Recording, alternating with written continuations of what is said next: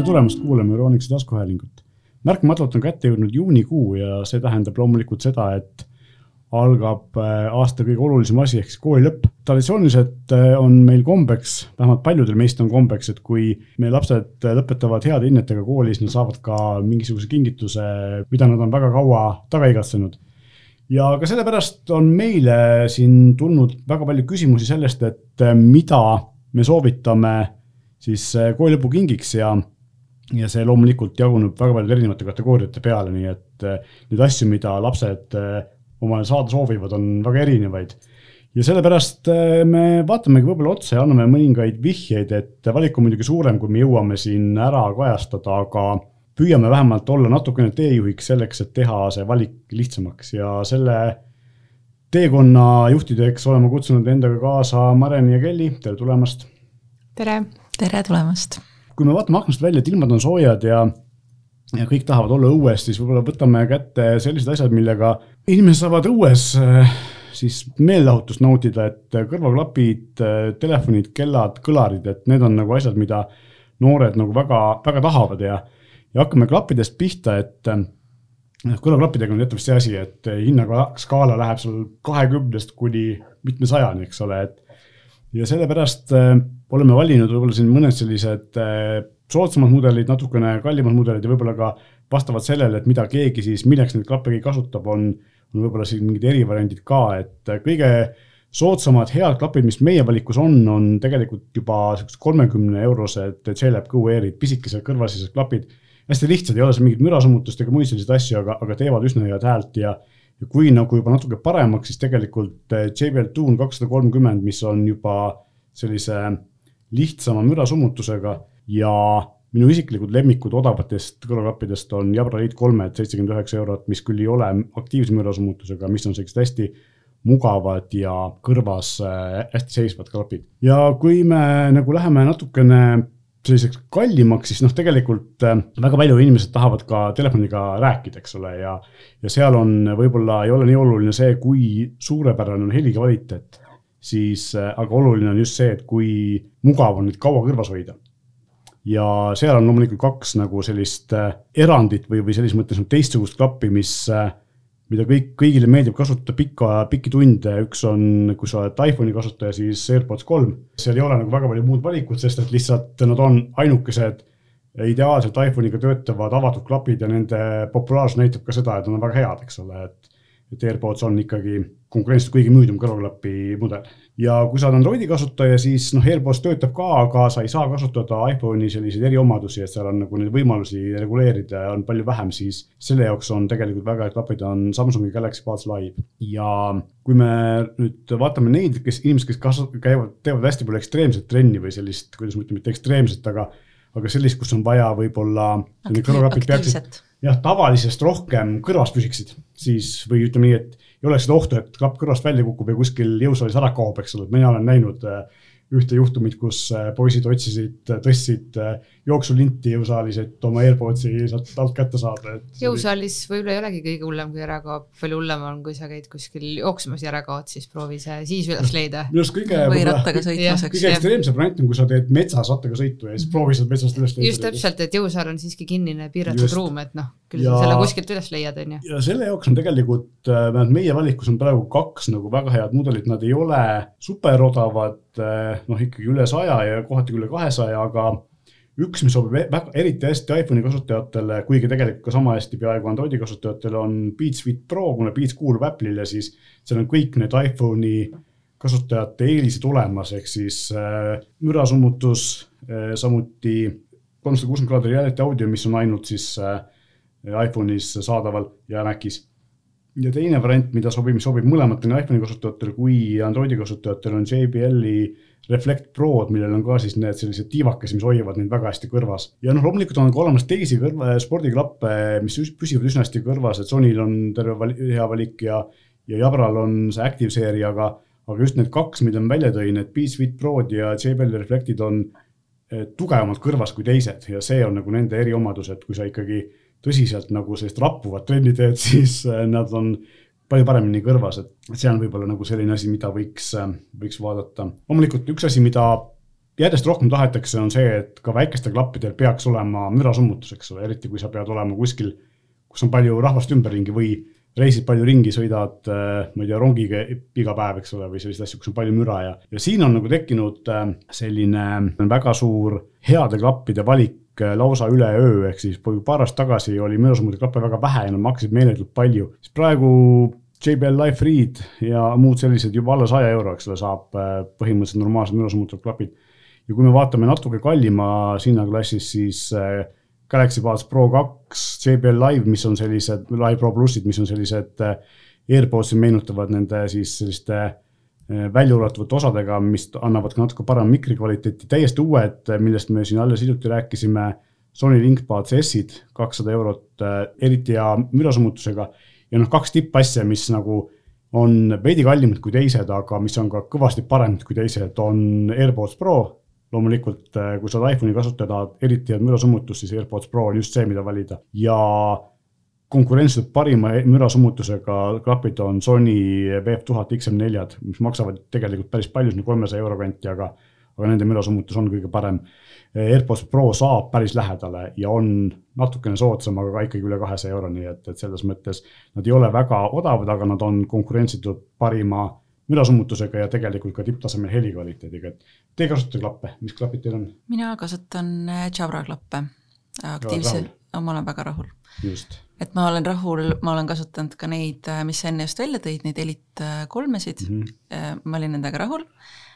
nüüd ma kasutan kaheksakümmend viis T-klappe mm -hmm ja ma, ja ma olen nendega väga-väga rahul mm, -hmm. et, et ma selles osas lisaks siin sellele su klappide jutule juurde, et kui klappe vaadata, siis kui vähegi võimalik, siis kindlasti valida mürasummutusega klapid mm. -hmm. et see, nagu sa ise ütlesid ka, et veel paar aastat tagasi oli niisugune natuke nagu eriline funktsioon või nagu Just. nagu luksusfunktsioon, siis täna ilma selleta klappe mina võimalusel väldiks, see on muidugi absoluutselt maitse asi, et mina võimalusel äh, vaataks just neid klappe, et, et enam ilma mürasummutusega klappe väga ei tahaks mm., aga siis mürasummutusega klappidel, kui me räägime siin kooli lõpust ja lastest, et siis kindlasti peaks seda äh, tähelepanu äh, nende tähelepanelikkust siis rõhutama, et nad kindlasti peavad olema tähelepanelikud liikluses, kindlasti olema jalutades ja nii edasi, et, et sa tõesti kuuledki ainult nii-öelda oma mõtteid ja muusikat, et no,. eriti, et see... eriti on siis, kui sa lähed kuskil hämaras jooksma, eks ole, mingi selline asi, lapsed jooksevad nagu liigal pool ringi.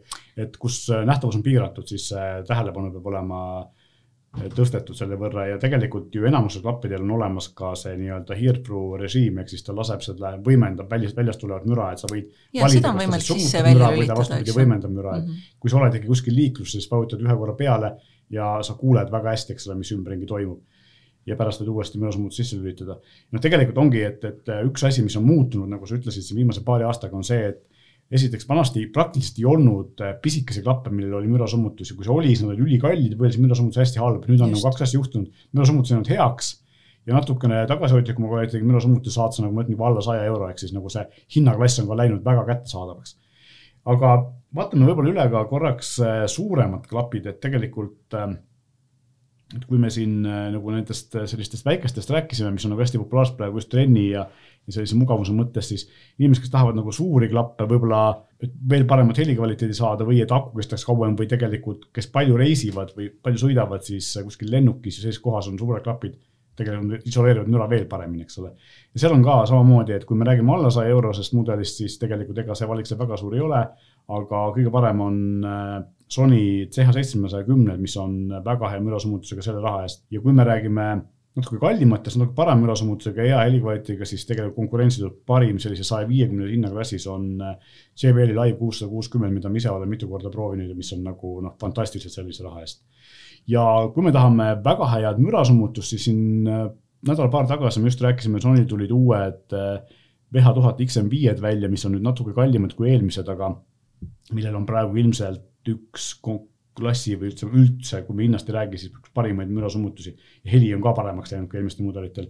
ja nad näevad, näevad ka väga siuksed sujuvad, modernsed ja, ja ma ütleks ilusad välja. jah, nad on tegelikult muutunud, see disain on üle kolme aasta muutunud, vanasti nad tegid kõik uued, iga aasta Sony uuendas mudelitega, nad kogu aeg ühesugused, eks ole. siis nüüd on disain muutunud negatiivseks kohaks on see, et nad ei käi nii hästi kokku, kui eelmised mudelid käisid, nad ei ole nii kompaktsed, aga samas kui on vaja, et nad oleks väga kompaktsed, siis tegelikult piisavalt head mürasummutust pakuvad ka XM4-d ja tegelikult meil on ka valikus veel kaks aastat vanad XM3-d, mis on väga hea hinnaga, selle hinna eest on väga head klapid. ja võib-olla natukene tagasihoidlikuma helikvaliteediga, aga väga hea mürasummutusega on Bose'i kuutsada neljakümne viied, mille eelisega see on hästi kerged et hästi palju me näeme just lennukites, kui inimesed kasutavad Bose'i klappe, sellepärast nad on nagu väga-väga kerged, eks ole, nad on väga mugav kaasas kanda. ja teine selle Bose'i konkurent just nagu kerguse poolest ja mugavuse poolest hästi kokku käivad, on JBL-i Tour One'id. ja kui me vaatame nüüd kõige-kõigesid, ehk siis nagu võib-olla isegi kõige parema heliga klapid, aga ühtlasi kõige kallimad, siis need on Apple'i AirPod, AirPods Maxid ehk siis suured, super hea mürasummutusega. ilusad ilusad ja erinevat värvi, eks ole, saab neid osta. ehk siis äh, samamoodi nagu need Sony uued, nad ei käi äh, erinevalt siin Bose'ist või JBL-ist, nad ei käi nii äh, hästi kokku. aga nende muud omadused, eriti kui teil on kasutate pidevalt Apple'i seadmeid, iPhone'i, Maci, siis seal taga tänu sellele, et see on jällegi Apple'i ökosüsteemi eriomadused juures, siis need klapid on, on ilmselt kõige paremad, aga nad on ka päris, päris kallid, nad ikkagi lähevad sinna kuuesaja euro kanti, nii et selles mõttes eh, on olemas valik, eks ole, siin sajast eurost kuni siis nagu peaaegu sinna neljakohalise numbrini välja, et igaüks leiab oma. ja noh, tuntud tootjad kõik, eks ole, et JBL, Sony, Bose, Apple. aga mis juhtub siis, kui me tahame mängida muusikat niimoodi, et ka teised seda kuulaksid? et siis eh, ilmselgelt kõige mõistlikum asi on väike või, või keskmise suurusega kaaskantav kõlar, et noh kohati võetakse bussi kaasa ja see on väga tüütu, et aga. mulle tundub, et see on ka äh, praegu noorte seas väga-väga äh, populaarne. Äh, kõlarite kaasas kandmine, oma muusika sealt mängimine, nüüd, kui saavad ka noored vabalt nii-öelda jälle koguneda, käia kuskil väljas, et siis ja. ka seltskonnas. see on tegelikult sihuke täiesti universaalne toode, et ega see ei ole ainult noorte jaoks, et kui sul on, ma ei tea rõdu, kuhu seda mängima panna või kasvõi tegelikult nad asendavad ju. tänapäevast selline suur, veidi suurem juhtmevaba kõlar tegelikult asendab sul ka mingit lastetoa või köögikõlarit, eks ole, et ta ei, ta on universaalne, et sa võtad ta sealt pärast sealt toast ja võtad ta õue kaasa. ta ei ole mõeldud ainult õues kasutamiseks, ta töötab absoluutselt igal pool. jah, mina kasutan ka kodus sellel ajal, kui, kui mu lapse kõlar on vaba, see tähendab, et tema parasjagu näiteks on koolis, siis ma kasutan seda kodus äh, ise muusika kuulamiseks. no täpselt et selles mõttes ongi see, et see on jällegi üks asi, mis äh, võib-olla lapse soovil on ostetud, aga, aga nagu rõõmu kogu pere jaoks. täpselt. ja, ja siin on nagu väga lihtne tegelikult odavamuse otsas äh, ei ole nagu JBL-ile konkurenti ja on kaks mudelit, üks on Clip kolm, Go3, mis on, äh, see on hästi pisike äh,. ei ole väga võimsa heliga, aga ta on kindlasti parem heliga, kui telefonist tuleb ja mahub igale poole ära, taskusse absoluutselt igale poole, eks ole. ja järgmine on siis Clip neli, mis on ähm, selline, kuidas ma ütlen, matkakõlar või selline hästi tugevast materjalist sellise karabiiniga, mis äh, saab näiteks seljakoti külge panna või, või pükste külge või kuskile. ja on hästi selline põrutuskindel, eks ole, et on mõeldud nagu sellistesse keerulistesse oludesse. just. ja noh, minu isiklik lemmik hinnaomaduste suhtest on JBL-i Flip viis, üldse Flip seeria, et ta on selline ka nagu mahub sellisesse väiksemasse käekotti ja kindlasti igasugusesse seljakotti ja kin-, võib-olla isegi ka jopetaskusse, aga teeb Äh, no sellist häält, et kui sa seda ise ei kuule oma kõrvaga, siis sa ei oska arvata nii väikest kõlarast nii heli välja tuleb, eks ole, et ta nagu asendab tegelikult isegi sellise noh, väiksemas toas muusikakeskus juba ära, nii et, et. Äh, ja, Flipil on, äh, on väga selle nii-öelda hinnaklassi kohta, taskukohase hinnaklassi kohta on väga-väga hea just. helivõimekus. ja Flipi konkurent, esimene mitte JBL-i kõlar on äh, Sony XP33, mis on umbes sama hinnaga. vahe on selles, et äh, Sonyl on siis lisaks äh, helile on, on sellised valgusefektid, eks ta on mingisugused LED-lampikese sisse ehitatud, et saab erinevat värvi valgusefekti sinna juurde lasta, et võib-olla nagu noortele just see nagu meeldib, et teeb ka lisaks lihtsalt muusikale värimuusikat, eks ole suurematest jällegi konkurentsitult kõige populaarsem meil keskmise suuruse kõlaritest on äh, JBL Charge ja antud juhul Charge viis, mis on veel suurem kui Flip, äh, kõvasti veelgi võimsam heliga, bassi on hästi palju. Ja Charge'i selline eriline omadus on see, et ta töötab ka akupangana, väga suur aku, mis kestab kakskümmend neli tundi, kui mälu mind ei peta, muusikat mängides. ja saad panna oma telefoni või tahvli või mingi muu asja sinna külge laadima, et kui sa lähed kuskil ikkagi metsa piknikule, sa ei pea muretsema selle pärast, et telefon tühjaks saab. ma arvan, et see läheb jah. noortele ka jõhkralt peale, et sa ja, saad. minu, minu peres on ka see Charge viis täitsa esindatud, et no,, et tõesti ainult kiidusõnad ja, ja Charles viis on tegelikult juba selline kõlar, mis noh, ikkagi kui sa ei ole väga nõudlik, siis äh, sellise väiksema toa täidab täiesti muusikaga ära. jah, väga-väga ei ole, ei ole enam küsimust. ja meie valikus äh, nagu selline võib-olla vähem, vähem aega olnud, aga, aga äh, hästi ägedad kõlarid on Marshalli kõlarid ja väiksemad või keskmise suurusega on Emberton. Marshalli kõlar on nagu hoopis teistsugune, ta näeb nagu välja selline nagu, Marshall on tegelikult selline muusikariistade tootja, eks ole, teeb kitarrivõimendaja selliseid asju, et noh, selline profi, profikõlari tootja, profiseadme tootja, ta näeb välja niisugune kandiline kast, eks ole, ja kui sa võtad kätte, siis on hästi raske, eks. tegelikult kõlari kvaliteedist saab päris tihti aru sellest, kui palju ta kaalub. kui on kerge, siis tõenäoliselt ei saa head häält teha, et nii lihtne see ongi. Marss on alati nagu hästi raske ja hästi selline kvaliteetne näeb välja. igale inimesele ei pruugi meeldida selline kandilisus, aga, aga samas ta, ma tean paljusid, kellele just selline, selline klassikaline kaheksakümnendate disain meeldib ja, ja noh, lõpetuseks keskmistest ongi jällegi Sony XP43, mis on Charge'i konkurent sellega, et ta teeb sarnase kvaliteediga häält ja lisab siis needsamad heli, valgusefektid helile. lõpetame selle kõlarite jutu suurte kõlaritega, et äh, kes ikka tahab minna metsa ja panna peo püsti, siis JBL Extreme kaks, mis on tegelikult siis Charge'i suurem vend, ehk siis ta on Just. tegelikult väga sarnane oma välimuselt, aga ta on veel suurem veel võimsam ja noh, see ikka juba hirmutab naabrit, kui tarvis on. ja siis ähm, tegelikult sinna teine sarnane asi on Boombox, mis on veel võimsam ja millel on siis äh, Extreme'il on olemas selline õlarihma, võimalused õlarihma kaasas. saate võtta õla peale ja siis käia ja olla väga tüütu, aga Boomboxil on jällegi sang küljes, et ta on sellise klassikalise vanasti nimetati magnetoolaseid sangadeks, kus olid CD-mängija ja raadio, eks ole, kõik käisid sangadega ringi, siis see on nagu klassikaline selline tänapäeva, tänapäevane sang, kus on CD või kasseti osa asendatud Bluetoothiga, eks ole, ja, ja ka saate samamoodi kaasa võtta ja hoida ta sangast kinni ja siis endaga kaasas tassida. jah, Extreme'i äh, see äh, õla nii-öelda vöö või siis millega seda kaasas kannad, on hästi-hästi mugav mm, mina ütleks, et mugavam äh, kui sang, aga see ilmselt sõltub jällegi sellest, et kuidas sa plaanid Just. seda kõlarit kasutada.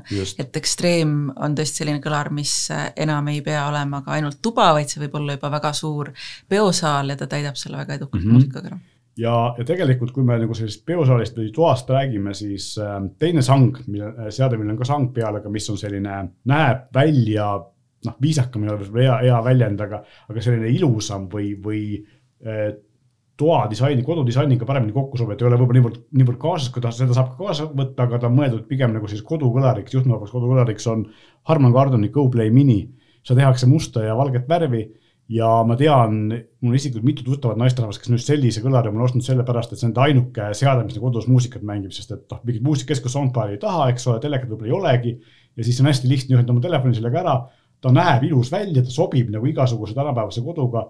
ei ole selline noor, liiga noortepärane, eks ole, ja, ja samas äh, teeb nagu superhead häält. jah, ma pean tunnistama, et mina olen ka üks nendest, kellel on ka Harmani kõlar, kõlar kodus olemas ja täpselt samamoodi, et soundbar'i mul ei ole.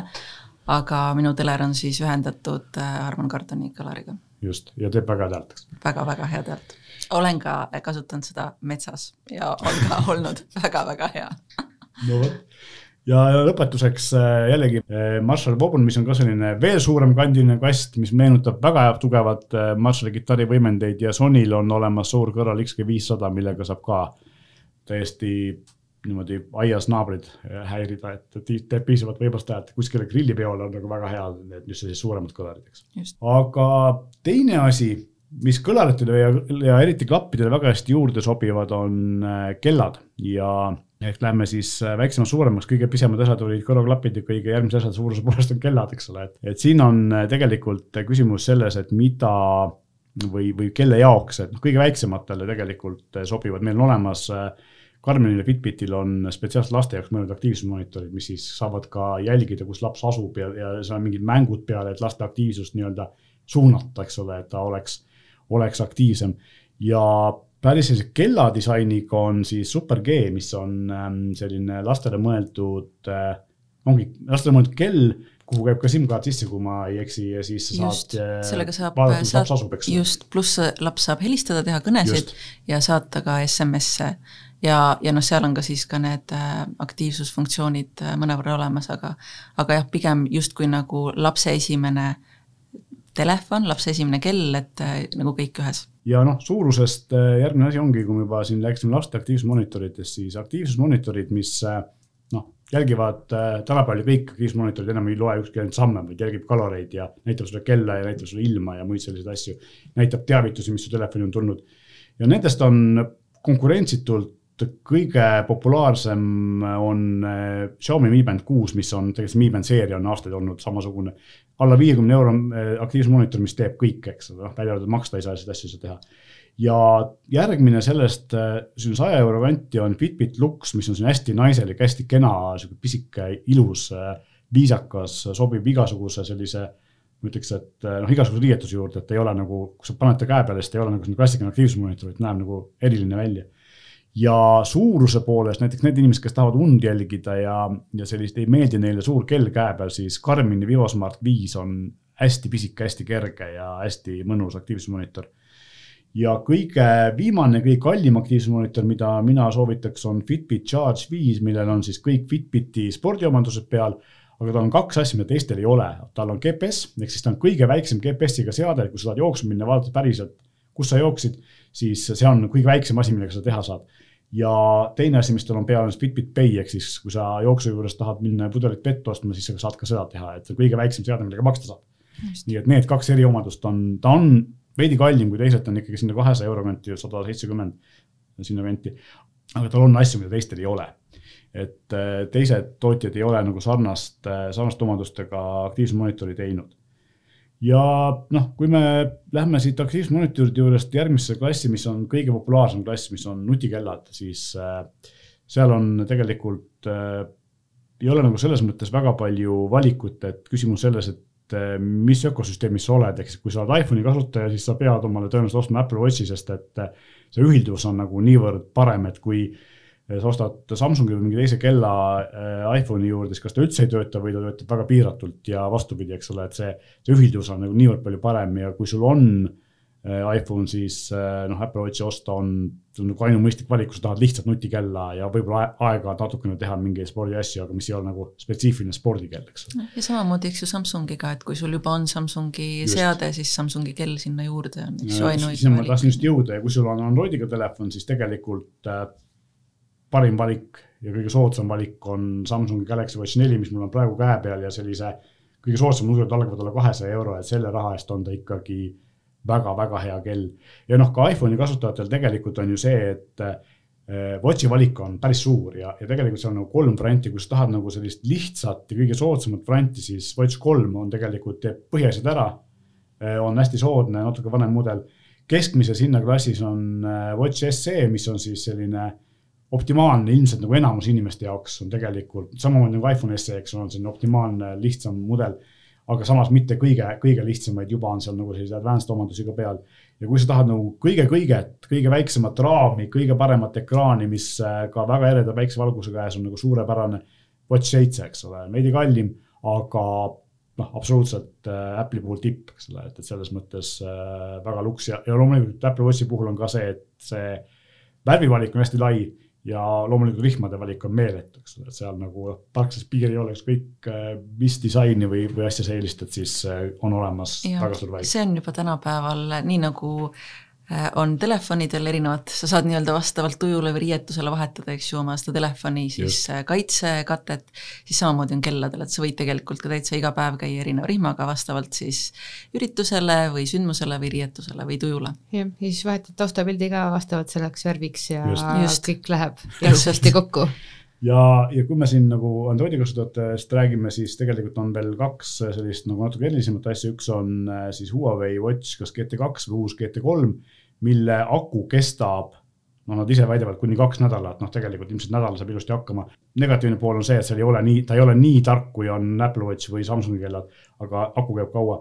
ja kui sa tahad sportlikumat nutikella, aga mis oleks siiski nagu sellise nutikella disainiga, siis Garmin Venu kaks, väga ilus kell, aku veab ka viis-kuus päeva, et rohkem kui Galaxy Watchil või Apple Watchil. aga samamoodi, et ta töötab ka iPhone'iga aga iPhone'ide kasutajatel siiski on Apple Watchiga rohkem ühilduvust ja ta töötab nagu selles mõttes äh, paremini, et kui sa tahad äh, kella, siis äh, seda on mõistlik valida siis, kui sa oled ikkagi sellise väga tõsine sporditegija ma ei ütleks, et ühilduvusel probleemi on, et ma olen kasutanud iPhone'iga nii Karminit kui Apple Watchi, et mm. Karmin töötas üliilusasti koos telefoniga, et mul ei olnud ühtegi ühilduvuse probleemi. et pigem jah, et Karmin on rohkem sportlasesõbralik ja Apple Watch on rohkem nutikell. jah, et see on ka tegelikult nüüd Karmin nagu, kui Apple läheb nagu teistpidi, et ta põhiomadus on olla nutikell ja siis natuke lisab järjest rohkem yeah, spordiomadusi. Karmin on üritanud võtta spordikelle ja teha ta natuke nutikelle yeah, moodi, et nad on, ekraanid on läinud paremaks, nad on läinud ilusamaks. natukene muidugi sealt ka selliseid omadusi äh, ära liikunud tänu sellele, et nad üritavad seda sportlikkust äh, liigutada rohkem ikkagi sinna kallimatesse kelladesse.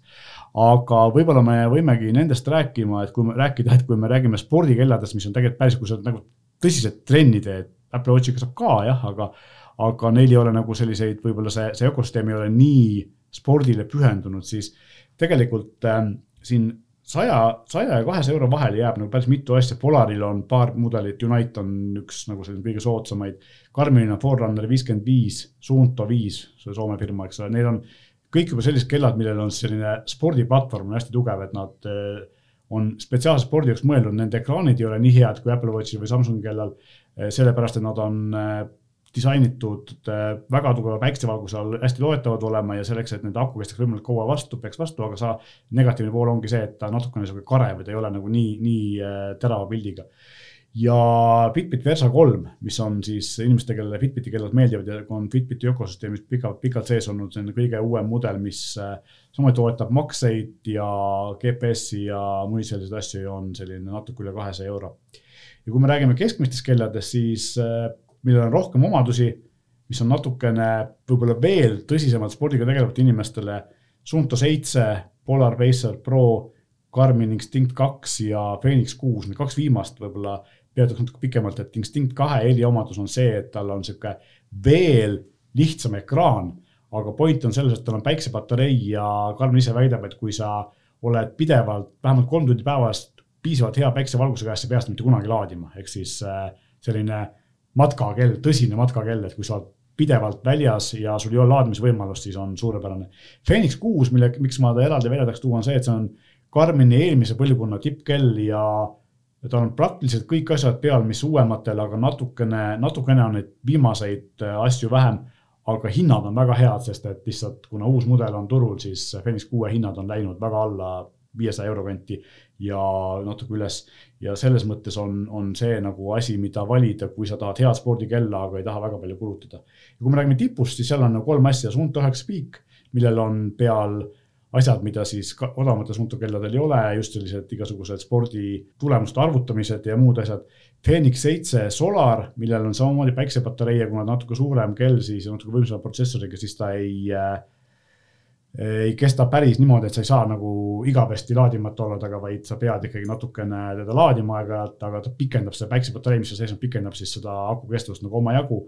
ja viimane on siis Garmin Epix, mis on äh, Garmini esimene kell, päris spordikell, millel on äh, Fenix seitsmel on ka nüüd puututundlik ekraan, aga Epixil on siis sarnane AMOLED ekraan, nagu on Apple Watchil või, või Samsung kellal, ehk siis ilus, ere ja hästi terav ekraan ja Garmin on suutnud kuidagimoodi selle ka panna kuni nädal aega tööle, et ilmselt sellepärast, et lihtsalt erinevalt Apple Watchist või, või Samsung kelladest tal ei ole nii võimas protsessor, et ta ei pea olema nii nutikas ja sellepärast kestab see, see aku seal kauem. ja Garmini Fenix seitsme Epixi eriomaduseks on veel see, mis on nagu spordikelladel äh, minu arust hästi oluline eh, noh, no kõigil neil ka Suuntol ja, ja, ja Polaril on see, et neil on äh, siis mitte puutunutlik ekraan, vaid on nupud, eks ole, et aga nüüd Phoenix seitsmel ja Epixil on lisaks ka puutunutlik ekraan, et sa saad valida kas ühe või teise või teha, kasutada mõlemaid, et kõik töötab ka nuppudega, aga natuke mugavam kasutada puutunutlikku ekraani. ja sa saad erinevatel spordialadel ka selle puutunutliku ekraani välja lülitada, et ei segaks need, ei läheks paigast ära, eks ole. näiteks kui sa suusatad ja kinnastega kasutad, siis noh, see on nagu eh, füüsilised nupud on nagu väga vajalikud, et see on nagu selliste Karmini ja tegelikult ka Suunto kallimate spordikellade siis eriomadused, need nupud, kõik asjad nuppudest juhitavad, eks ole. aga Garmin on nüüd ainus, kellel on lisaks ka siis selline päris hästi kasutatav puutunutlik ekraan. et see on nagu kellajutt, kas teil on midagi kelladest lisada? Olete jälle, ma olen kasutanud sellist Garmini lihtsama spordikella või tegelikult selline, vot üks asi, mida ma ei maininud, ongi seesama Garmini eh, Vivamove seeria, mis sul oli, et on selline tavalist. jah, naiselik või ütleme jah, selline viisakas, ma ütleks, et selline ta meenutab, kui sa vaatad talle peale, siis tundub, no see päris seiertega kell, eks ole. täpselt nagu ta oleks tavaline kell. just, et see on ka tegelikult üks list, mida tegelikult peale Karmini keegi teine ei tee, muidugi Wittings teeb ka veidi ja Karmin on sellest ka kõige kõvem, et tal on neid spordiasju kõige rohkem juures, eks ole, et või nutiasju. et äh, just ongi see, et kui sa vaatad talle peale, siis on täiesti tavaline klassikaline analoogkell, aga tegelikult tal on seal salaja peidus ekraan, mida sa näed siis, kui sa kätt liigutad ja kõik see Karmini sporditarkus on seal sees, eks ole, aga ta on jah mõeldud selliseks, selliseks kellaks võib-olla, kui sa tahad olla kuskil ma ei tea, ülikonnas või mingis sellistes. ma sellepärast ostsingi, et mulle see välimus just meeldis, et ta meenutas tavalist Kelle. viisakat kella mm. -hmm. et ja ühtlasi, kuna see data seal taga ja see äpp oli tegelikult väga sportlasesõbralik, et siis ma sain sealt kõik oma andmed kätte, mis mul vaja olid. kahjuks küll see kell elas oma aja ära. ma isegi ei tea, viis aastat vist. ikka väga hästi. Ja noh, sai oma otsa meres ujudes, mis noh, võib-olla ta lihtsalt ei tahtnud meres ujuda sellel päeval. Et äh, kahju küll ja siis ma otsustasin, et ma proovin nüüd Apple Watchi, et on jah, täiesti kaks erinevat äh, maailma, maailma jah. Mm, -hmm. üks on nutikell ja teine on viisakas äh, Just. käekell. ja eks kella valimisel tasubki alustada sellest, et milleks sa seda kasutad, eks ju, et kas see on lihtsalt sul elustiili kell või siis sa oled päriselt sportlane, kellel ja. siis on vaja erinevaid tsoone treeningu ajal ja nii edasi näha, eks ju, et et siis selle järgi juba tegelikult saab teha selle valiku, et millist siis segmenti sa kuskil Äh, just ja, ja milliseid kompromisse sa oled nõus tegema, et kas sa tahad väga just, head ekraani, mida sa pead iga päev laadima, kas sa tahad sellist kella, millega sa saad olla mitu päeva metsas niimoodi, et äh, akupanka või laadijat kaasa ei võta, eks ole. et see on nagu maitse asi, mina olen enda jaoks jõudnud järeldusele, et mulle ei ole väga vaja väga palju kellal nutikaid funktsioone, et äh, mulle piisab see, kui ta mulle näitab teavitusi ja võib-olla äratab mind hommikul ja, ja samas ma tahaks, et aku kestaks rohkem kui ühe päeva et ja sellepärast mina jätkuvalt millegipärast eelistan Karmini kellest, olles mõlemat nii Apple Watchi kui Samsungi kella proovinud. Mõlemad väga head kellad, aga mulle endale kuidagi on see Karmin jäänud nagu hingelähedaseks. ja teine asi muidugi ka see, et kui te kella valite, siis eh, peaks arvestama sellega, et üsna ökosüsteemis kinni, ehk siis need andmed ei ole lihtsalt üksteise vahel liigutatavad, kui sa oled, kasutad Karmini äppi või kasutad Polari äppi või või kasutad äh, siis äh, Samsungi kella, Samsungi kellaga veel natukene lihtsam seda teha või Apple'i kella, siis tegelikult enamus neid andmetest elavad sealsamas ja su järgmine kell on tõenäoliselt sama tootja oma et sellega peab võib-olla arvestama. Jah, ja ütlen, et see hästi palju sõltub siis, äh, eks ju, sina ütlesid, et sa pigem eelistad Karminit või spordikella, siis minul on just vastupidi, et minu jaoks on hästi oluline, et kell oleks võimalikult, ütleme siis, teeks minu elu võimalikult lihtsaks mm -hmm., ehk siis ma olen väga palju aastaid kasutanud Apple Watchi ja, ja minu jaoks on väga tavaline, et et kui mul tuleb kõne kellale, näiteks kodus olles, siis ma võtan selle vastu kella pealt ja ma räägin mm -hmm. kella pealt, ilma et ma jookseksin, peaksin jooksma teise tuppa, et ma pean telefoni vastu võtma ja nii edasi. Et ja. sellised nagu pisikesed asjad, mis teevad minu elu lihtsamaks, et aga, aga ma olen hästi nõus, et äh, kui ma teeksin väga intensiivset äh, treeningut, äh, aktiivset treeningut, järjepidevalt, siis ilmselt see kell ei oleks minu esimene valik. noh, tegelikult samamoodi saab kõnesid vastu võtta ka siis Samsungi kellaga ja Karmin on olemas Venu kaks pluss, millega saab ka nüüd kõnesid vastu võtta. vahe on selles, et äh, Samsungi kellal ja Apple Watchil on olemas ka siis SIM-kaardiga versioonid, ehk siis ta töötab sul täiesti iseseisvalt ilma telefonita, eks ole, sa võid telefoni maha jätta ja kell on, kell ongi telefon, eks ole. ja Samsungil on ka olemas sarnased versioonid, aga siis teistel tootjatel selliseid äh, mudeleid praegu hetkel ei ole, et Carbon Ameerika turul tegi ühe sellise, aga, aga tegelikult see oli ka ainus ja nad rohkem pole sellist teinud, nii et. et äh, Apple Watchi ja Samsung kellade eriomaduseks on veel see, et äh, on olemas siis veidi kallimad mudelid, millel põhimõtteliselt kell ja telefon on ühes tükis, eks ole, et saad saata sõnumeid ja, võtta vastu sõnumeid ja siis teha kõnesid kella pealt. jah, et sa ei pea telefoni kaasa võtmagi just, just., ma pean tunnistama, et ka mina aeg-ajalt eh, saadangi ka sõnumeid kella pealt lihtsalt sellepärast, et telefon on kuskil kaugel. just, ja noh, võib-olla me jõuame kunagi ka sinnamaani, kus äh, Siri ja Google Assistant oskavad eesti keelt, et. tahaks loota küll, võiks küll jõuda sinna kunagi jah, kunagi. aga kui me kelladest rääkisime, siis tegelikult võib-olla vaataks üle ka asjad, mille külge kellad käivad, ehk siis telefonid ja seal on asi nagu päris keeruline, kuna telefonide valik äh, ühtepidi on järjest laiem, teistpidi muutub mõnes mõttes järjest kitsamaks, kuna elu läheb keerulisemaks ja kõik telefonid ei suuda selle keerulise eluga kaasas käia. ja noh, kui me räägime koolilõpukingitustest, siis tegelikult äh, inimesed või noored, kes kooli lõpu kingituseks telefoni soovivad, äh, mida nad telefoniga teevad, nad telefoniga pilti. Ja sellepärast mina jätaks üldse kõrvale nagu kõige odavamad telefonid, kui nende või mängivad. või mängivad täpselt samamoodi, tegelikult ka mängimine on see, mida väga odavad telefonid väga hästi ei tee, et kui sul on vaja lihtsalt rääkida, sõnumeid saata, siis alla saja euro telefon teeb selle töö väga hästi ära. kui sa tahad pilti teha, siis äh, seda tavaliselt äh, niisama odava telefoniga teha ei saa. ja mul on ka tunne, et aina enam äh, on telefon vähemalt noorte ja laste hulgas, see on pigem meelelahutuskeskus kui siis just. sidevahendiks. just, ja tegelikult noh, meil on siin nii-öelda läänemaailmas on see selline, kõigil on arvuti või tahvel ka, eks ole, aga aga mujal maailmas, Aasias ja, ja Aafrikas on ikkagi telefon ongi su ainuke arvuti, nii et, et selles mõttes kõik, kogu elu käib, see ongi su ainu-, aken maailma, eks ole. ja, ja sellepärast äh, ma siin jätsin välja alla kahesaja eurosed äh, telefonid täielikult ja esimesed, mida nagu kannataks võib-olla pildi tegemise ja mängimise mõttes kasutada, on äh, siis Xiaomi tütarfirma Poco M3, M4 Pro. Üks maksab natuke üle kahesaja, teine maksab natuke üle kahesaja viiekümne ja mõlemal on sihuke täiesti okei okay kaamera selle raha eest esimesed telefonid, mida eh, julgeks soovitada niimoodi, et pärast ei öeldaks, et oi, aga see kaamera, et ma ei saa Instagrami pilti teha, see kaamera ei ole nagu väga hea, eks. siis need on nagu sellised kaamerad, eh, sellised telefonid, mille kaameraga saab tegelikult väga korralikke pilte ja samuti millega kannatab täiesti ilusti mängida, kuna protsessor on piisavalt võimas.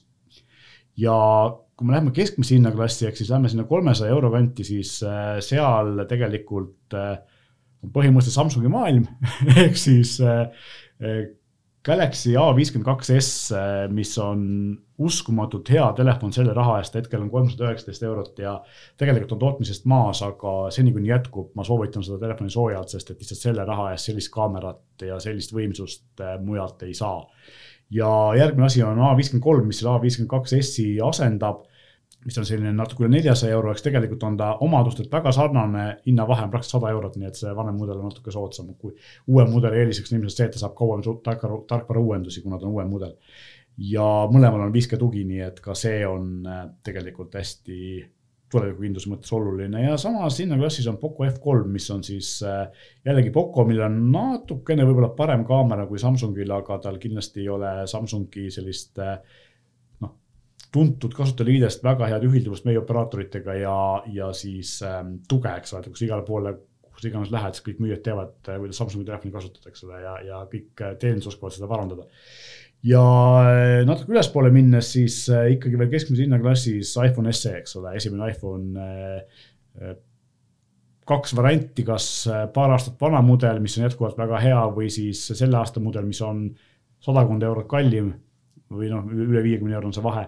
Aga siis, kui tahad tulevikukindlamat 5G toega iPhone'i, siis eh, SE on nagu esimene, selle aasta mudel on esimene, mis, mis siis on nagu nii-öelda esimene iPhone lapsele. see tuleb jälle sealt vanemate ökosüsteemi valikust ilmselt, et just. meil on sama, kuna ökosüsteem on või kõik Apple, siis äh, lapse telefon tuleb ka. selline kool, kus öeldakse, sul iPhone ei ole, siis äh, mine koju tagasi aga. Apple'iga on, kui vanematel on äh, Apple'i seadmed või tegelikult ka vastupidi, eks ju, et kui vanematel on Androidi seadmed, siis, siis see tundub loogiline, et äh, lapse seade tuleb samuti Android, sest lihtsalt ka lapse nii-öelda siis äh, telefoni liitmine enda perekonna ja.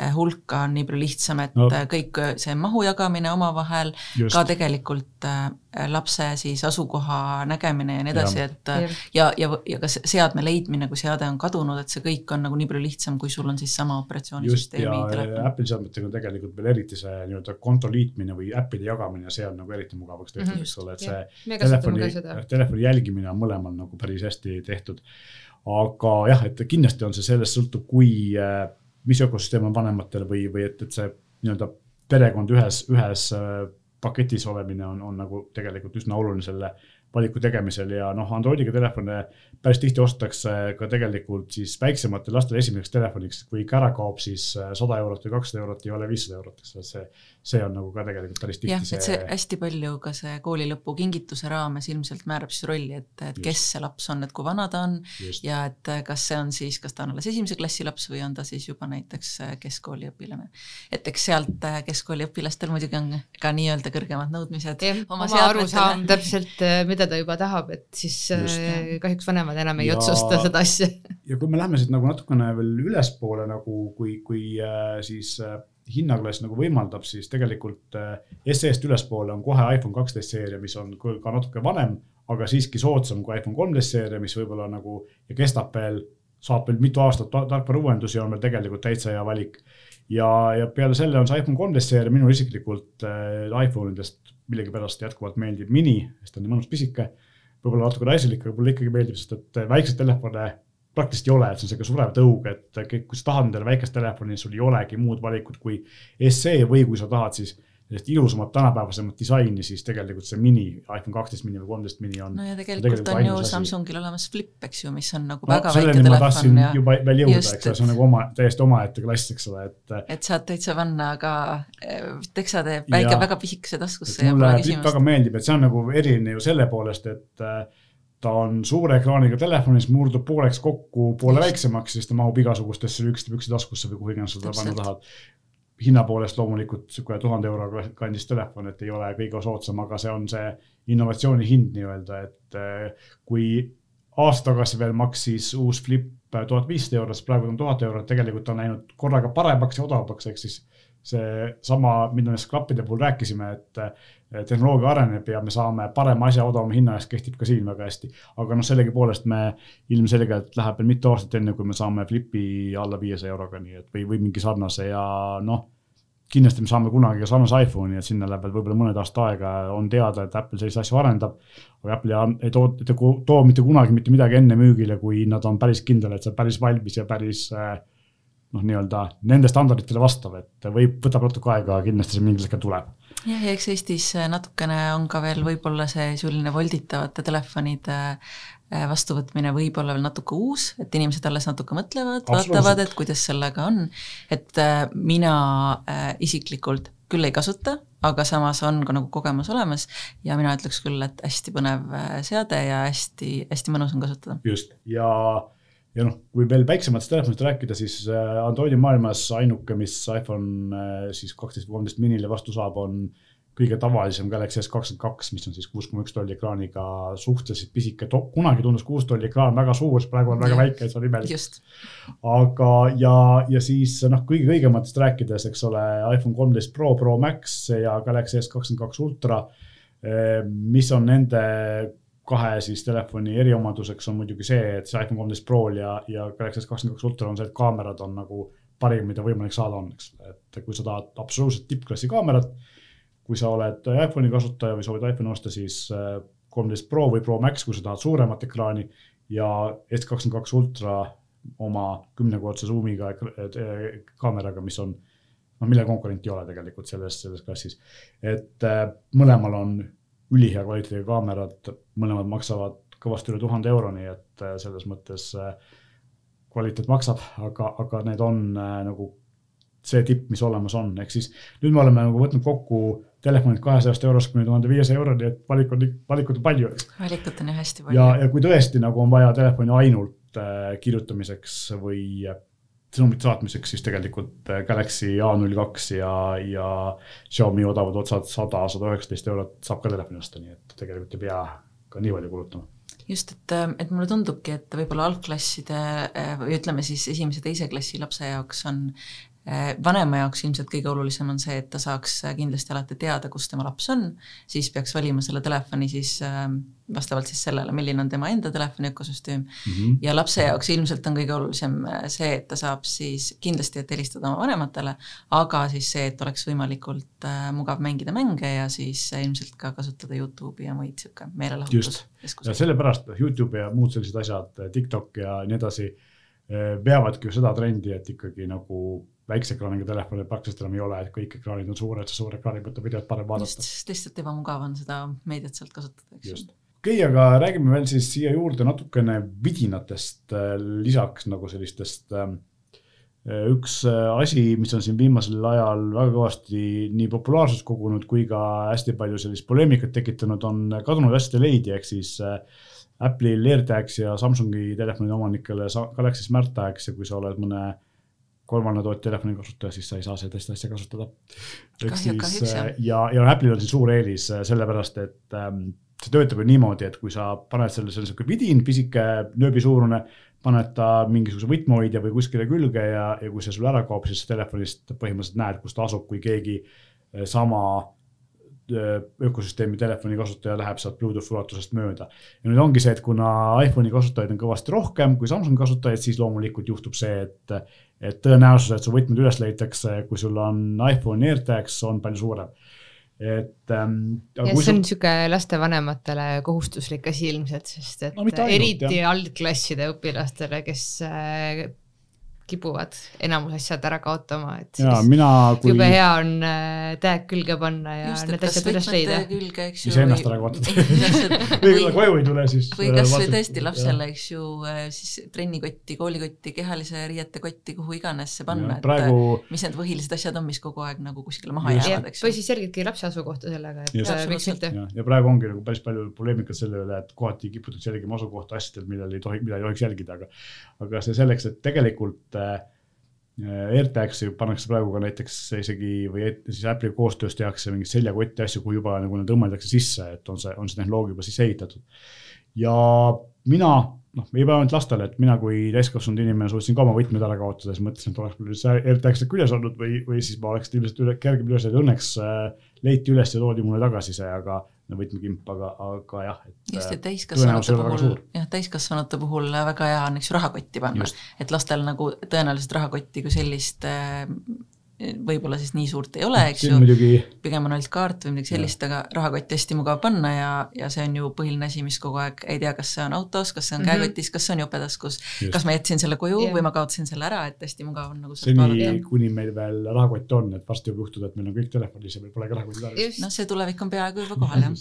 Jah, aga täiskasvanutel on see rohkem niisugune hajameelsus, et see lihtsalt äh, tähelepanu võib-olla ei ole õigel ajal kohal, aga lastel on see ilmselt harjumatus, et ja. üldse vaadata, et peab oma asju kaasas kandma. mis asjad sul üldse olemas olid, et vanemad aga... teavad, aga lapsed ei tea võib-olla just, järgmine selline vidin, mis suvel on eriti vajalik, kui inimesed rohkem ringi liiguvad, on akupank, et iga kord ei saa ikkagi telefonit, eriti kui sa videot vaatad, siis ei kesta väga kaua ja ja igal pool ei ole laadijat, siis akupank on nagu väga vajalik ja siin noh, minu ütleks kaks märksõna, et mahtuvus võiks tänapäeval olla vähemalt kümme tuhat milliamprit ja USB-C pesa võiks olla küljes, osadel on ka lightning pesa, eks ole, aga tegelikult tänapäeval on niimoodi, et kui sul on iPhone, siis äh, uuemate iPhone'ide laadijad on ka USB-C pesaga, nii et tegelikult, kui sul on äh, USB-C pesaga akupank või laadija, siis sa saad äh, väga hästi laadida kõiki asju SMS, nii Apple'i seadmeid, Androidiga seadmeid, igasuguseid muid asju, tegelikult võimsamate, suuremate akupankadega saab laadida isegi ka lihtsamaid arvuteid.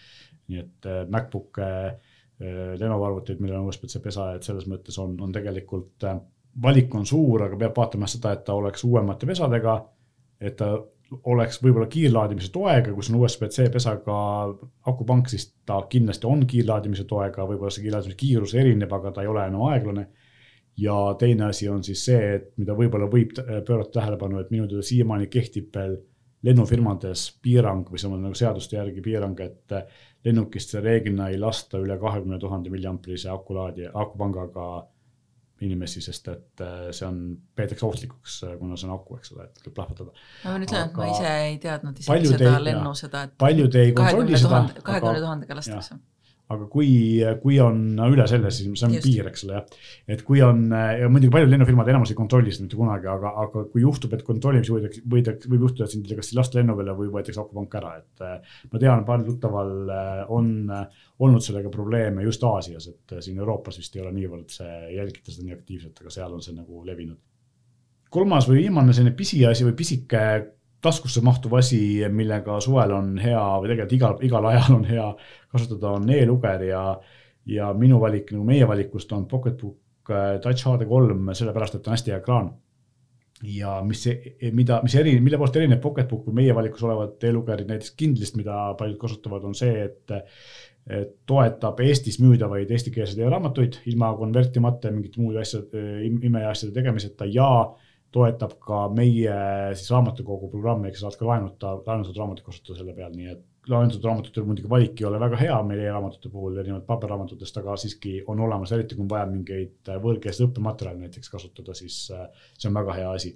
ja noh, loomulikult, äh, mis on e-lugeri eelis tahvli või telefoni ees, on see, et ekraan ei väsita silmi, ta näeb välja nagu paber ja aku kestab põhimõtteliselt nädalaid, kui mitte kuid ühe laadimisega, nii et kui seda reisi peale kaasa võtta, kui sa ei taha nagu telefoni akut tühjaks lasta, siis lugemiseks on see nagu ideaalne lahendus, hästi kerge on jah, ja sul ei tule notification eid vahele, et tähelepanu ei haju, on ju. just, okei okay,, aga, aga räägime siis natukene ka sellest, millega suvel ringi liikuda, et äh, ratas või tõuks, maitse asi, eks ole et äh, kui siin mõni aeg tagasi olid äh, tõuksid olid need asjad, mis, millega me kõik sõitsime ja noh, tegelikult äh, renditõukse on tänavad täis, siis sel aastal on või tegelikult eelmisel aastal juba on nagu järjest populaarseks muutunud elektrirattad, just jalgrattad, sest et hinnad on tulnud alla ja praegu saab momoratta meilt ikkagi juba sellise üheksasaja euroga just. väga mõistliku ratta ja ise olen sellega sõitnud täitsa hea ja nüüd sel aastal on meil ka siis valikus džiibi rattad, mis äh, ma ütleks nagu hästi ilus, eriti see kollane, see kollane mulle väga meeldib, kollane tsiipiratas on, on väga kena, eks. ja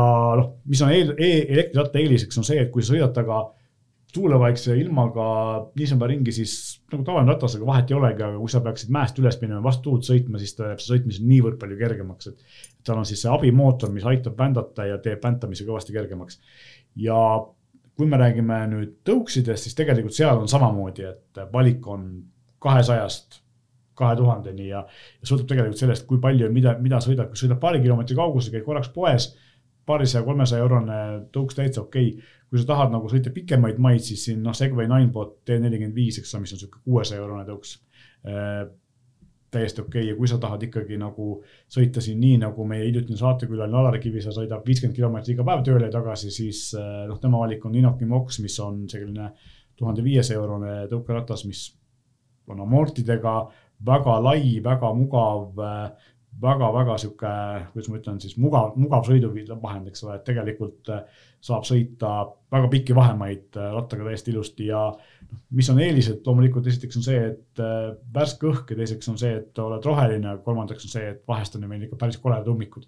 Eriti kohtades, kus on mingid teeremondid ja asjad, sealt sa sõidad nagu tõuksiga mööda, nii et ei saa arugi ja saad koha, kiiremini kohale ka autoga. kooli lõpukingiks lastele ju samuti, et lube pole veel, on ju. just jah, ja lisaks see, et, et aeg-ajalt või ütleme nii, et see sõltub ka sellest, kus sa, eks ju, elad, aga vahel see on nii suur aja kokkuhoid, kui sa ei pea ootama ühistransporti või näiteks lausa mitme mm -hmm. ühistranspordiga, vaid sa saadki Just. sõita selle väikese või miks mitte natuke pikema vahemaa Just. siis omadel tingimustel. ja omalt poolt saan seda öelda, et kui tõuksiga sõitmise, rattaga sõitmise puhul ka, aga tõuksiga sõitmise puhul kiputakse teirama, siis kiiver pähe kindlalt kätte ja tegelikult ega ka su-, suurema tõuksi puhul võib-olla ei teeks halba künnanuki ja põlvekaitsed, aga noh, see võib-olla ei ole nii tähtis, aga kindlad ja eriti kiiver on väga oluline, et pea on asi, mida tuleb hoida. jah, ma olen nõus, et äh, kiiver peaks olema mõlema sõidu, kõikide sõiduristidega täitsa nagu kohustuslik, aga tõukside puhul, mis ma tooksin veel välja, on see, et et on ka tõukse, mida sa saad täitsa kokku klappida, mis tähendab seda, et tegelikult sa saad selle võtta enda, äh, endaga kaasa, kas siis äh, kuhu iganes sa lähed, sõbra juurde võtad tuppa kaasa, ühistransporti, rongi, murrate kokku, võtate kaasa. jaa, ma tean ühte tuttavat, kes käib maalt linna praktiliselt iga päev tööl ja rongiga ja siis ta sõidabki paar kilomeetrit rongipeatusesse, paneb, klapib ratta kokku, võtab töö juurde kaasa ja rongipeatuses kontorisse pärast tagasi, eks ole, et selline väga mugav sõitu, sõiduvahend tegelikult. ja kontoris saad ju veel laadida ka, kui sul Just. vaja on, on ju. tööandja elektrist muidugi kokkuhoid missugune. täpselt, täpselt.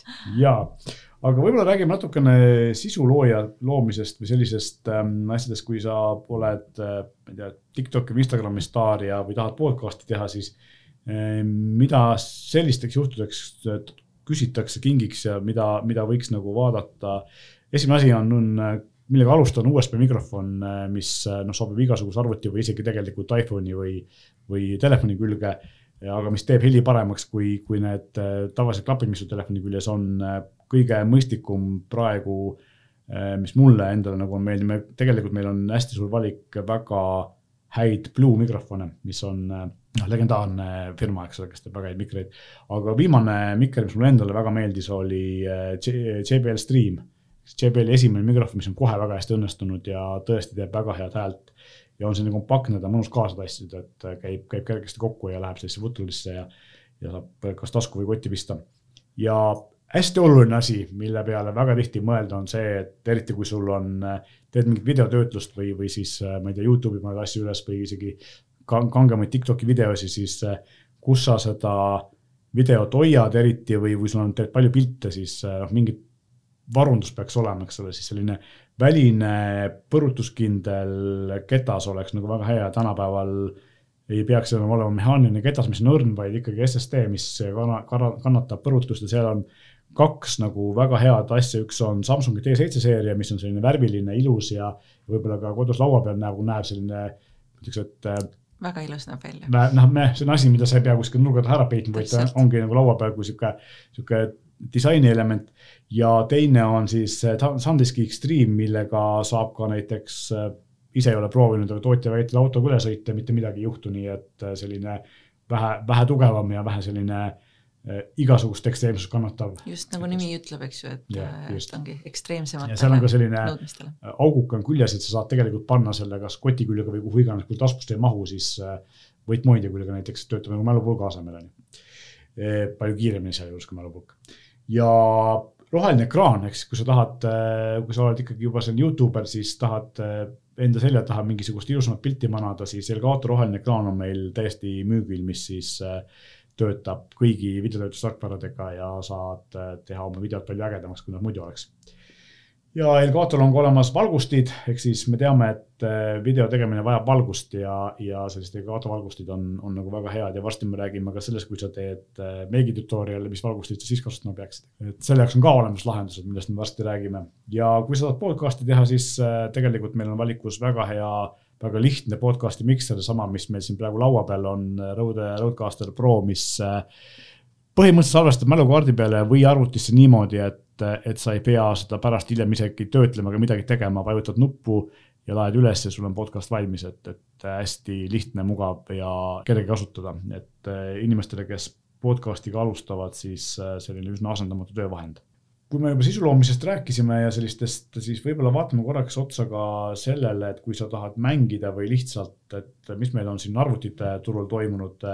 sel aastal tulid Eesti turul esimest korda Chromebookid ja mina ütleks seda, et kui sa tahad odavat arvutit, sellist, sul on kakssada, kolmsada eurot, äh, eriti lapsele, siis äh, osta talle Chromebook, sest et äh, seda on nagu suhteliselt keeruline ära hävitada, et ta, teda on väga lihtne kasutada ja, ja kui sa, Google'i konto küljes, eks ole, et kõik on veebis, kõik on varundatud, midagi ei saa kogemata ära kaduda ja erinevalt Windowsiga masinatest on selle hinna eest see operatsioonisüsteemi ressursi nõudlikkus niivõrd palju väiksem, et on kõvasti kiirem kui Windowsiga kolmesaja eurone arvuti ja kui äh, on vaja sellist keskmist arvutit, siis seal on jätkuvalt äh, Lenovo Acer Asus. Võiks vaadata, oleks tuhat kaheksakümmend B ekraan, võiks vaadata, oleks kaheksa giga RAM-i ja vähemalt kakssada viiskümmend kuus äh, giga SSD-d, õnneks me oleme läinud üle nagu sellest maailmast, kus vahepeal oli siis keskmise hinnaklassis hästi kehvad ekraanid ja hästi aeglased kõvakettid, et tänapäeval ka siis keskmise hinnaklass saab tegelikult väga mõistlikku arvutit ja nendele inimestele, kes teevad juba nagu tõsisemat sellist videotöötlust praegu sellist tuhande euro kandis ikkagi ei ole konkurenti MacBook Airile, et seal selle, selle hinna eest äh, on see nagu parim meedia tegemise võib-olla ka meedia tarbimise arvuti, et see on nagu väga, väga ei ole midagi vastu panna. ja Windowsi maailmast tegelikult läheb siis äh, järgmine ongi selline kuskil on üle tuhande euro, kus on siis näiteks HP-l on äh, need volditava ekraaniga või kokku, kokku pandava ekraaniga, mis teeb siis arvutist tahvli ja vastupidi, eks ole, et, et sellised universaalsed masinad, mis on nagu, mida Apple ei paku, eks ole, sellised erilise disainiga äh, masinad. ja loomulikult noh, kõige keerulisem kategooria on mängud ja arvutid, et seal on tegelikult toimunud ka suur läbimurre, et kui siin mõni aasta tagasi veel või paar aastat tagasi olid mängud ja arvutid noh, tuhat viissada ja kaks tuhat ja üles. praegu on ka, et ikkagi tipptasemel kõige kangemad mängud ja arvutid on seal üle kolme tuhande kindlasti, aga, aga esimest korda ajaloos saab normaalse, lihtsama mängude arvuti alla tuhande euro, et siin Lenovo, Asuse ja ka tegelikult MSI valikus on äh, täiesti korralikke eraldiseisva graafikkaardiga lihtsamaid mänguarvuteid juba saja neljakümne nelja hertsise ekraaniga, kiirekraaniga seitse üheksa üheksa, kaheksa üheksa üheksa, nii et tegelikult äh, ei pea enam käima, kui laps ütleb, et ma tahan nüüd mängida, siis ei pea enam nagu rahakott puuga seljas olema, vaid saab ka lihtsamalt hakkama. aga kui nagu, mida vaadata, siis samamoodi mänguarvutil tegelikult tänapäeval võiks olla kuusteist gigagrammi vähemalt, saja neljakümne nelja hertsine ekraan vähemalt ja noh, i5 või i7 või vastav AMD Ryzen viis, Ryzen seitse protsessor, et seda võiks nagu vaadata ja graafikakaart noh, mina enam RTX kolmkümmend viitekümmet ei soovitaks, kolmkümmend kuuskümmend, kolmkümmend seitsekümmend, kolmkümmend kaheksakümmend, kolmkümmend kaheksakümmend muidugi on päris kallis juba, aga, aga kolmkümmend kuuskümmend on ikkagi selline noh, natuke üle tuhande euro ja töötab väga hästi. ja kui siin varem ennem, Maren ennem mainis, et tema laps tahab kindlasti saada monitori, siis äh, mainime korraks monitori ka, et seal on tegelikult samamoodi toimunud samasugune revolutsioon, ehk siis mängud ja monitorid järsku odavaks läinud. Et korraliku mängude monitori saab juba alla kahesaja euro, mis vanasti oli sellise lihtsama kontori monitori hind. ja Samsung ja MSI, kaks suurt äh, monitoritootjat on tegelikult ja ka mängude, MSI on suur mängude arvutitootja, on, teevad seda revolutsiooni, MSI-l on Optix G kakssada seitsekümmend üks seeria, mis on äh, väga hea hinnakvaliteedi suhtega ja Samsungil on Odyssey G5, millel on siis kumerekraan, mis telerite puhul võib-olla ei ole väga hea, aga monitoride puhul on kumerekraan väga mõnus, et ta väga, väga tekitab sellise noh, mängude puhul eriti tekitab sellise sees olemise, mängu sees olemise efekti, eks ole, ja noh, samamoodi kahesaja viiekümne euroga saab täiesti väga hea mängude väga monitori, nii et just. ja monitorid on samamoodi põhiasi, mis tegelikult on, mis teeb nad kallimaks, mida edasi lisaks ekraani suurusele on siis see, et et kui vanasti oli meil ikkagi monitor oli kuuskümmend hertsi kogu lugu, siis tänapäeval normaalne mängude monitor hakkab saja neljakümne hertsist ja kallimad lähevad selle kolmesajani ja nii edasi välja. aga tegelikult ma ütleks, et enamus inimesi ei näe vahet üle saja neljakümne nelja hertsi et mõned väga sellised äh, e-spordiga tegelevad mängurid, ilmselt kakssada nelikümmend võib-olla on ka vajalik, aga tavalisel mängimisel sada nelikümmend neli hertsi on piisav ja, ja sellise äh, ekraaniga monitorid on tänapäeval üllatavalt odavamaks läinud, odavaks läinud. Ja kui me mängimisest juba räägime, siis noh, äh, konsoolid, eks ole, Nintendo Switch ja igale poole kaasa võtta. Vahet pole, kas sa oled rongis, õues, toas, pistad teleka taha või hoiad käes, eks ole, et ideaalne mängukonsool suveks kaasavõtmiseks ja. ja Switchi pluss on see, et äh, Switch on tõesti absoluutselt igases, igas vanuses. et sa võid olla seal ka juba eelkooliealine, kui Just. sa mängid sellega, sa võid olla täitsa teismeline. pean tunnistama, et ma ka ise olen sellega mänginud, nii et, et tegelikult Switch äh, on küll selline hästi universaalne toode, mis üldse vanust ei küsi. jah, ja, ja, ja samuti siis, äh, eks ole, Switch Sports mäng, mis just välja tuli, mis on selline kogu perele väga lõbus, äh, lihtne mäng, millega noh, mis, mis tõesti mitte kedagi ära ei tüüta, eks ole. ja kui me juba monitoridest rääkisime, arvutitest, siis ma ei väsi kordamast, et korralik tool on väga vajalik asi. Eliidil näiteks või Trustil on väga häid toole ka meil, nii et äh, selles mõttes, et äh, selleks, et ikkagi rüht säiliks ja, ja pärast ei oleks selg valus peale pikka mängimist, normaalne tool, hea tool on väga vajalik. ma arvan, et kes tegelevad äh, mängimisega, siis nad oskavad ka ise tegelikult seda võib-olla siis juba küsida äh, kingiks või ka oskavad siis hinnata seda, kui oluline see tool ja on, et kui ebamugav see meil on, on suuremates poodides võimalik ka tooli peal istuda ja siis teda proovida, eks ole, et kuidas ta, kuidas ta sul seljale tundub. ja vaatame korra üle siis kiirelt ka mänguriklapid, klappidest me ennem rääkisime, et äh, lihtsalt siin kiirelt mõned soovitused, kui lihtsamad juhtmega klappe mängurile, siis äh, JBL-i Quantum seeria, mis on tulnud äh,, JBL pole varem kunagi mänguriklappe teinud, paar aastat tagasi nad sellega alustasid, on tulnud väga suure hooga, väga heade klappidega, JBL Quantum sada või HyperX Cloud, mõlemad on sellised viiekümne, kuuekümne eurosed klapid juhtmega, väga head klapid. Äh, soodsad juhtmed, taaklapid, eh, Logitech G435, JBL Quantum kolmsada viiskümmend, HyperX Cloud Alphad, saja euro euro kandis eh, juhtmevabad klapid.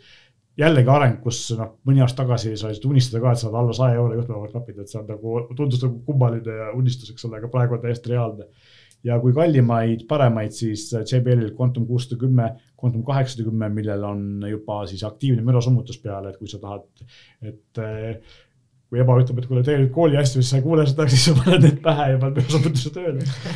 Ja, ja siis Logitechi GX Pro, millel on äh,, G Pro X, millel on siis äh, Blue poolt tehtud mikrofon, mis on äh, väga, väga kvaliteetne mikrofon ja SteelSeries Arctis seitse pluss, mis töötab ka näiteks Nintendo Switchi taga ideaalselt ja Arctis Pro, mis on selline asi, millega saad mängida mänge, ühendada mängukonsooliga teleka taha, et selline täiesti universaalsed klapid, millega saab ühendada absoluutselt kõigega ja töötab väga hästi, aga hinnaklass on natuke kallim.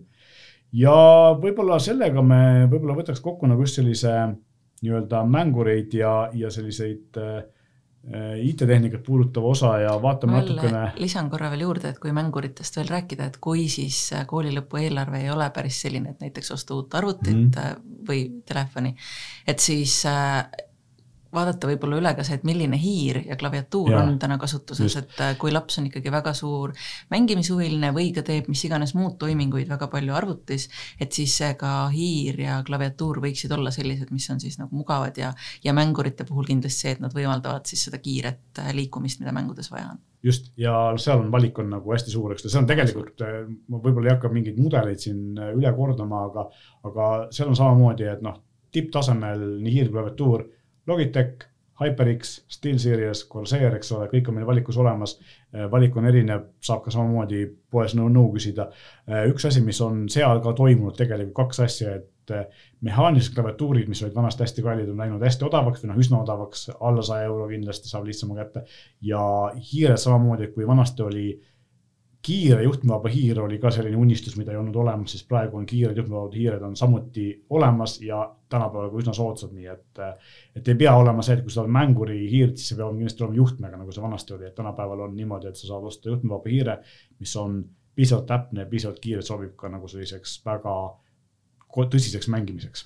jah, ja Logitech äh, popseeria näiteks on ka väga-väga ilusad, värvilised ja Logitechil üldse on ka väga ilusaid klaviatuure, roosasid, valgeid, kollaseid, mis võib-olla ka, võib-olla rohkem nagu tüdrukutele äh, sobivad mis iganes toasisustusega, võib-olla meeldivad niisama, et ma pean ütlema, et need on ka mulle väga-väga meeldivad, väga ilusad. kui Logitechist rääkides, võib-olla mitte mänguritest, vaid sellisest meie meie täiskasvanud, tegelikult ka noored, kes pidevalt arvutiga istuvad, siis äh, meie, kes me kontorites või kodukontorites pidevalt oleme, Logitechi uus hiirlift, mis on äh, ergonoomiline hiir, mis siis on äh, sellise kujuga, et ta on nagu püsti, ehk siis sul ei pea käsi olema kõver, vaid ta hoiab kätt loomulikus asendis.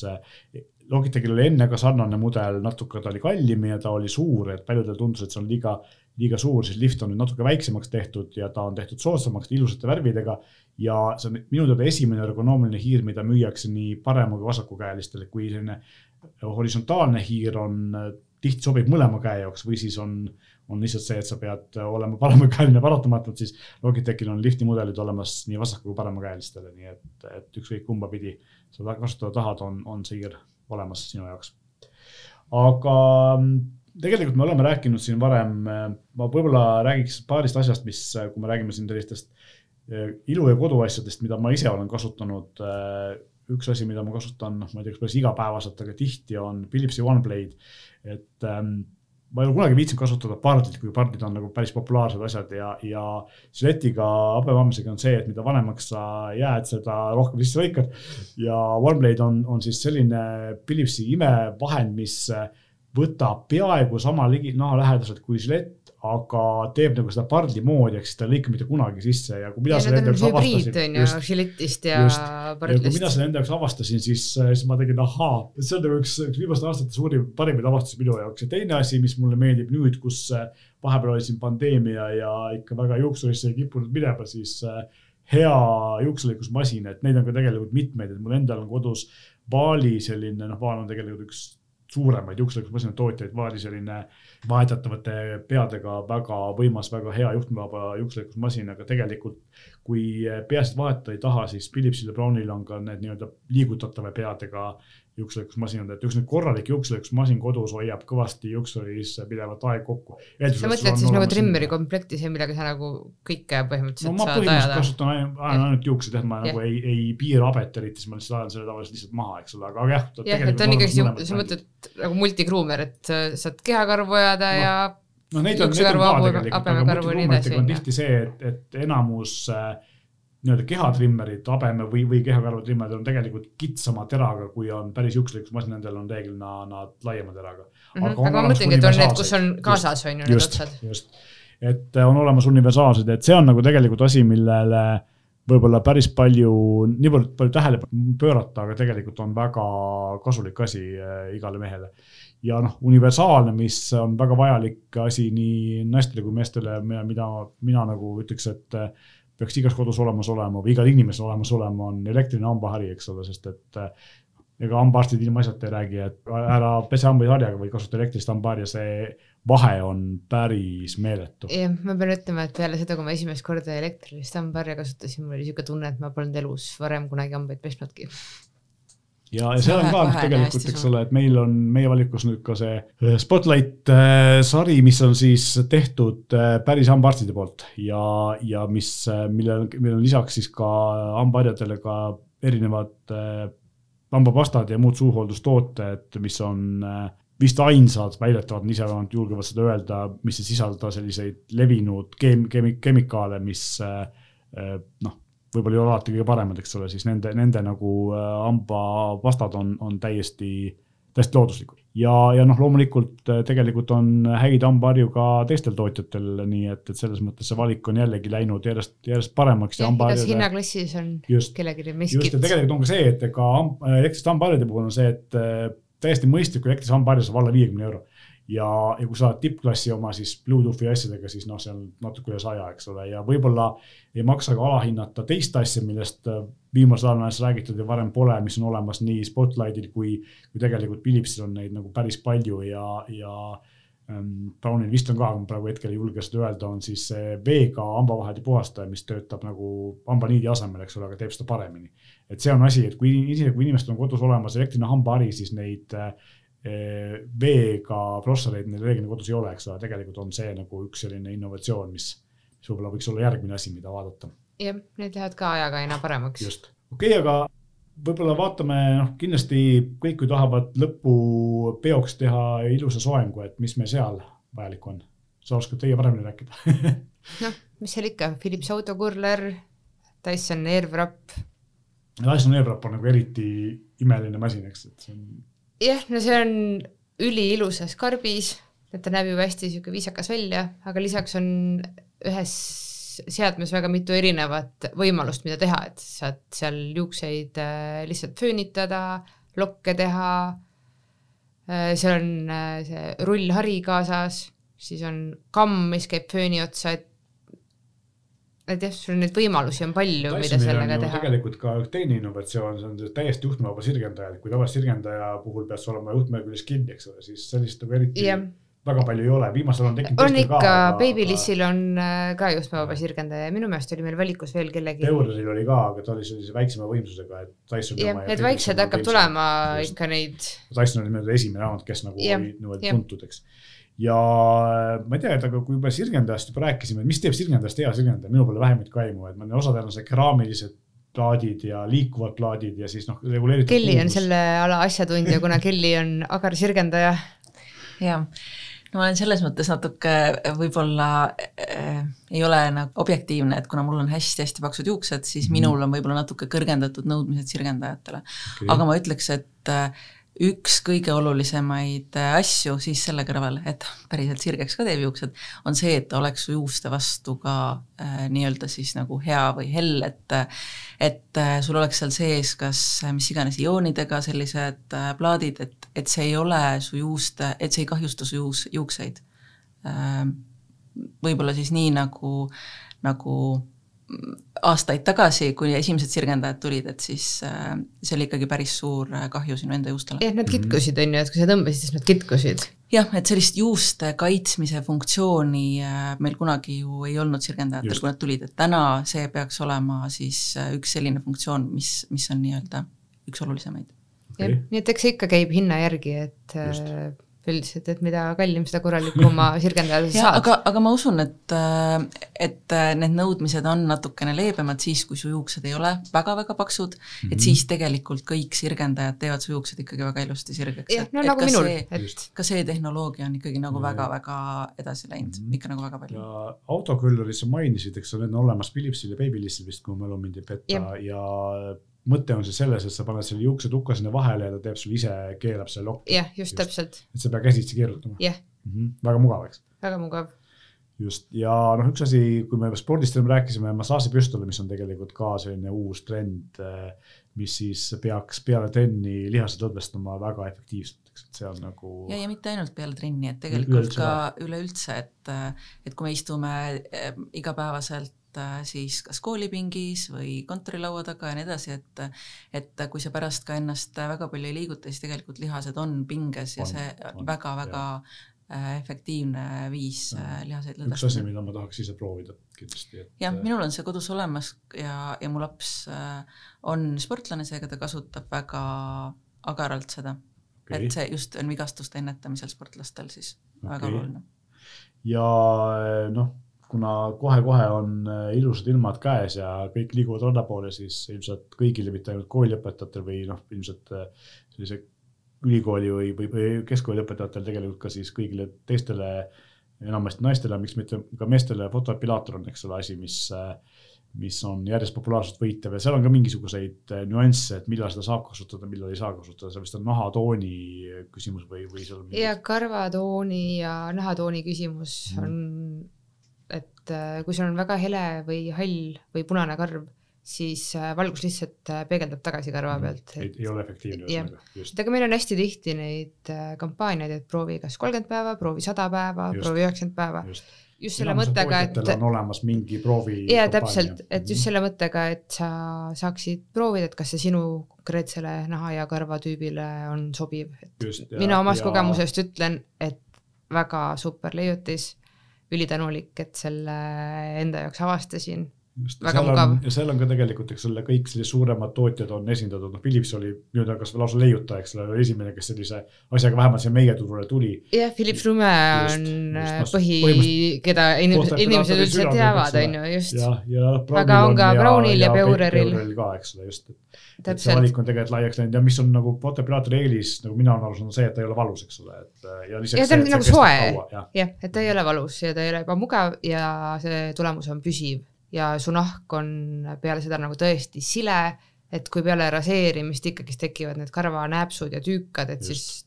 siis nahk on kare, siis epilaatoriga on ikka hoopis teine asi. Ja lisaks see karv, mis siis ka pärast, eks ju, kasvab, et see karv on hoopis teise tekstuuriga, et ta on ja, selline pehme. pehme ja selline, ütleks, et äh, väga vähe märgatav, et mm -hmm. ükskõik, mis ja, su karvatoon siis varasemalt on olnud okay.. aga ma ise ütleks selle proovikampaania kohta, et tegelikult see kolmkümmend päeva või siis äh, tihtipeale sada päeva, et väga kiiresti juba näeb neid tulemusi, äh, kas see toimib siis sinu peal või mitte, et mm, -hmm. et sellist esmast nii-öelda indikatsiooni, et ja. kas ta töötab mul või mitte, näeb tegelikult päris kiiresti. mina nägin isegi kahe nädalaga tegelikult okay.. jah, minul sama.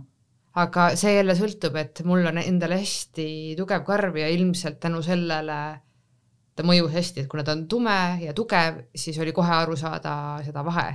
et need inimesed, kellel on heledam karv, ilmselt võtab see kauem aega, et see efekti annaks. aga nagu sa ka ütlesid, et see on ka meeste seas populaarsust kogub, siis nii on tõesti, et noh, kõigepealt mehed on avastanud selle oma naiste kõrvalt, naised, kes kasutavad, siis mehed hakkavad ka vaikselt proovima. Ja nüüd aina enam jõuab see asi sinnani, et et pole tegelikult enam vahet, kas naised täpselt, või mehed, et seda kõik saavad kasutada, kõik saavad kasutada. Väga äge, aga me lubasime rääkida meigivalgustitest, eriti kui sa oled äh, Instagramil, kes teeb meigi tutorial'e või lihtsalt tahad kasutada nii-öelda. head valgust on ju videodeks. ja teine asi, mis on seal, eks ole, on ka tegelikult need äh, suurendusega meigipeeglid, mis teevad selle lihtsamaks, et räägi nendest võib-olla natuke. ja meil on meigilambid, mis on kaasaskantavad, lihtsasti asetatavad ükskõik kuhu sa siis lähed saad panna peegli kõrvale ja see valgus on täpselt äh, make-up'i jaoks äh,. ehk siis ta on õige tooniga. õige tooniga ja. Väga huvitav, mina, ma olen neid nagu pildi pealt näinud, aga ma ei teadnud, et nad on kaasaskantavad, et see on nagu uudis, et saad ühesõnaga toppida kotti ja. ja, ja paned pistikusse, kus sul vaja on neid panna. okei okay., ja noh, peegel on peegel, eks ole, lihtsalt vahe on selles siis, et, et meil on erinevad peeglid, millel on siis tavaliselt on kaks poolt, eks ole, üks on suurendusega, teine on ilma või siis on erineva tasemega suurendusega, sa näed nagu täpsemalt. Ja paljudel peeglitel on ka siis endal selline LED-lambi riba ümber, et ta annab sulle rohkem valgust ka, eks ole. jah, no see on selline nagu lihtsam valgust, jah, jah, et ta ei anna sulle ikkagist nagu nii just. head ja ühtlast valgust, kui sul ja, eraldi meigivalgust ei annaks on palju eredam, eks ole, kuna yeah. mitu lampi on ribis. meigivalgustitega on see, et ükskõik kui hea sa arvad, et sul täna valgus on selles toas, kus sa siis ennast meigid, siis tegelikult, tegelikult ole, täpselt. kui sa need meigilambid endale koju tood, et su maailm täiesti muutub, et see, mis sult peeglist edaspidi vastu vaatab, on ikka midagi hoopis midagi muud. et, et, et, et sa ei pea enam ehmatama, kui sa yeah. kodust välja lähed ja avastad, et millise meigi sa endale pimedas teinud oled. täpselt, et kuidas nägu on ühte värvi ja kael on teist värvi. aga tegelikult see ongi nagu võib-olla meie selle seekordse saate selline läbiv teema, et, et on palju asju, mida sa ei teadnud, et sul vaja on ja kui sul olemas on, sa ei oska enam ilma elada, eks ole, et kuidas just. ma ilma olin ja, ja teine asi, mis me õppisime siinjuures, on see, et väga paljud äh, ägedad asjad, mis vanasti olid kallid, on läinud äh, odavaks ja, ja, või kõvasti paremaks, eks ole, ükskõik, kas me räägime siis äh, fotoepilaatorist või kõrvaklappidest, eks ole. just, ja, kõikide nende asjade nagu põhi nii-öelda mõte on tegelikult ju see, et nad teevad su elu lihtsamaks, eks. jah, teeme elu lihtsaks. teeme elu lihtsaks. aga meie täname teid kuulamast, täname teid tulemast meiega rääkima.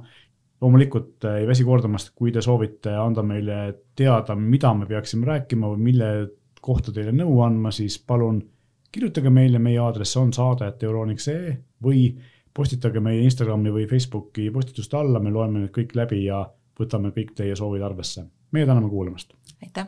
aitäh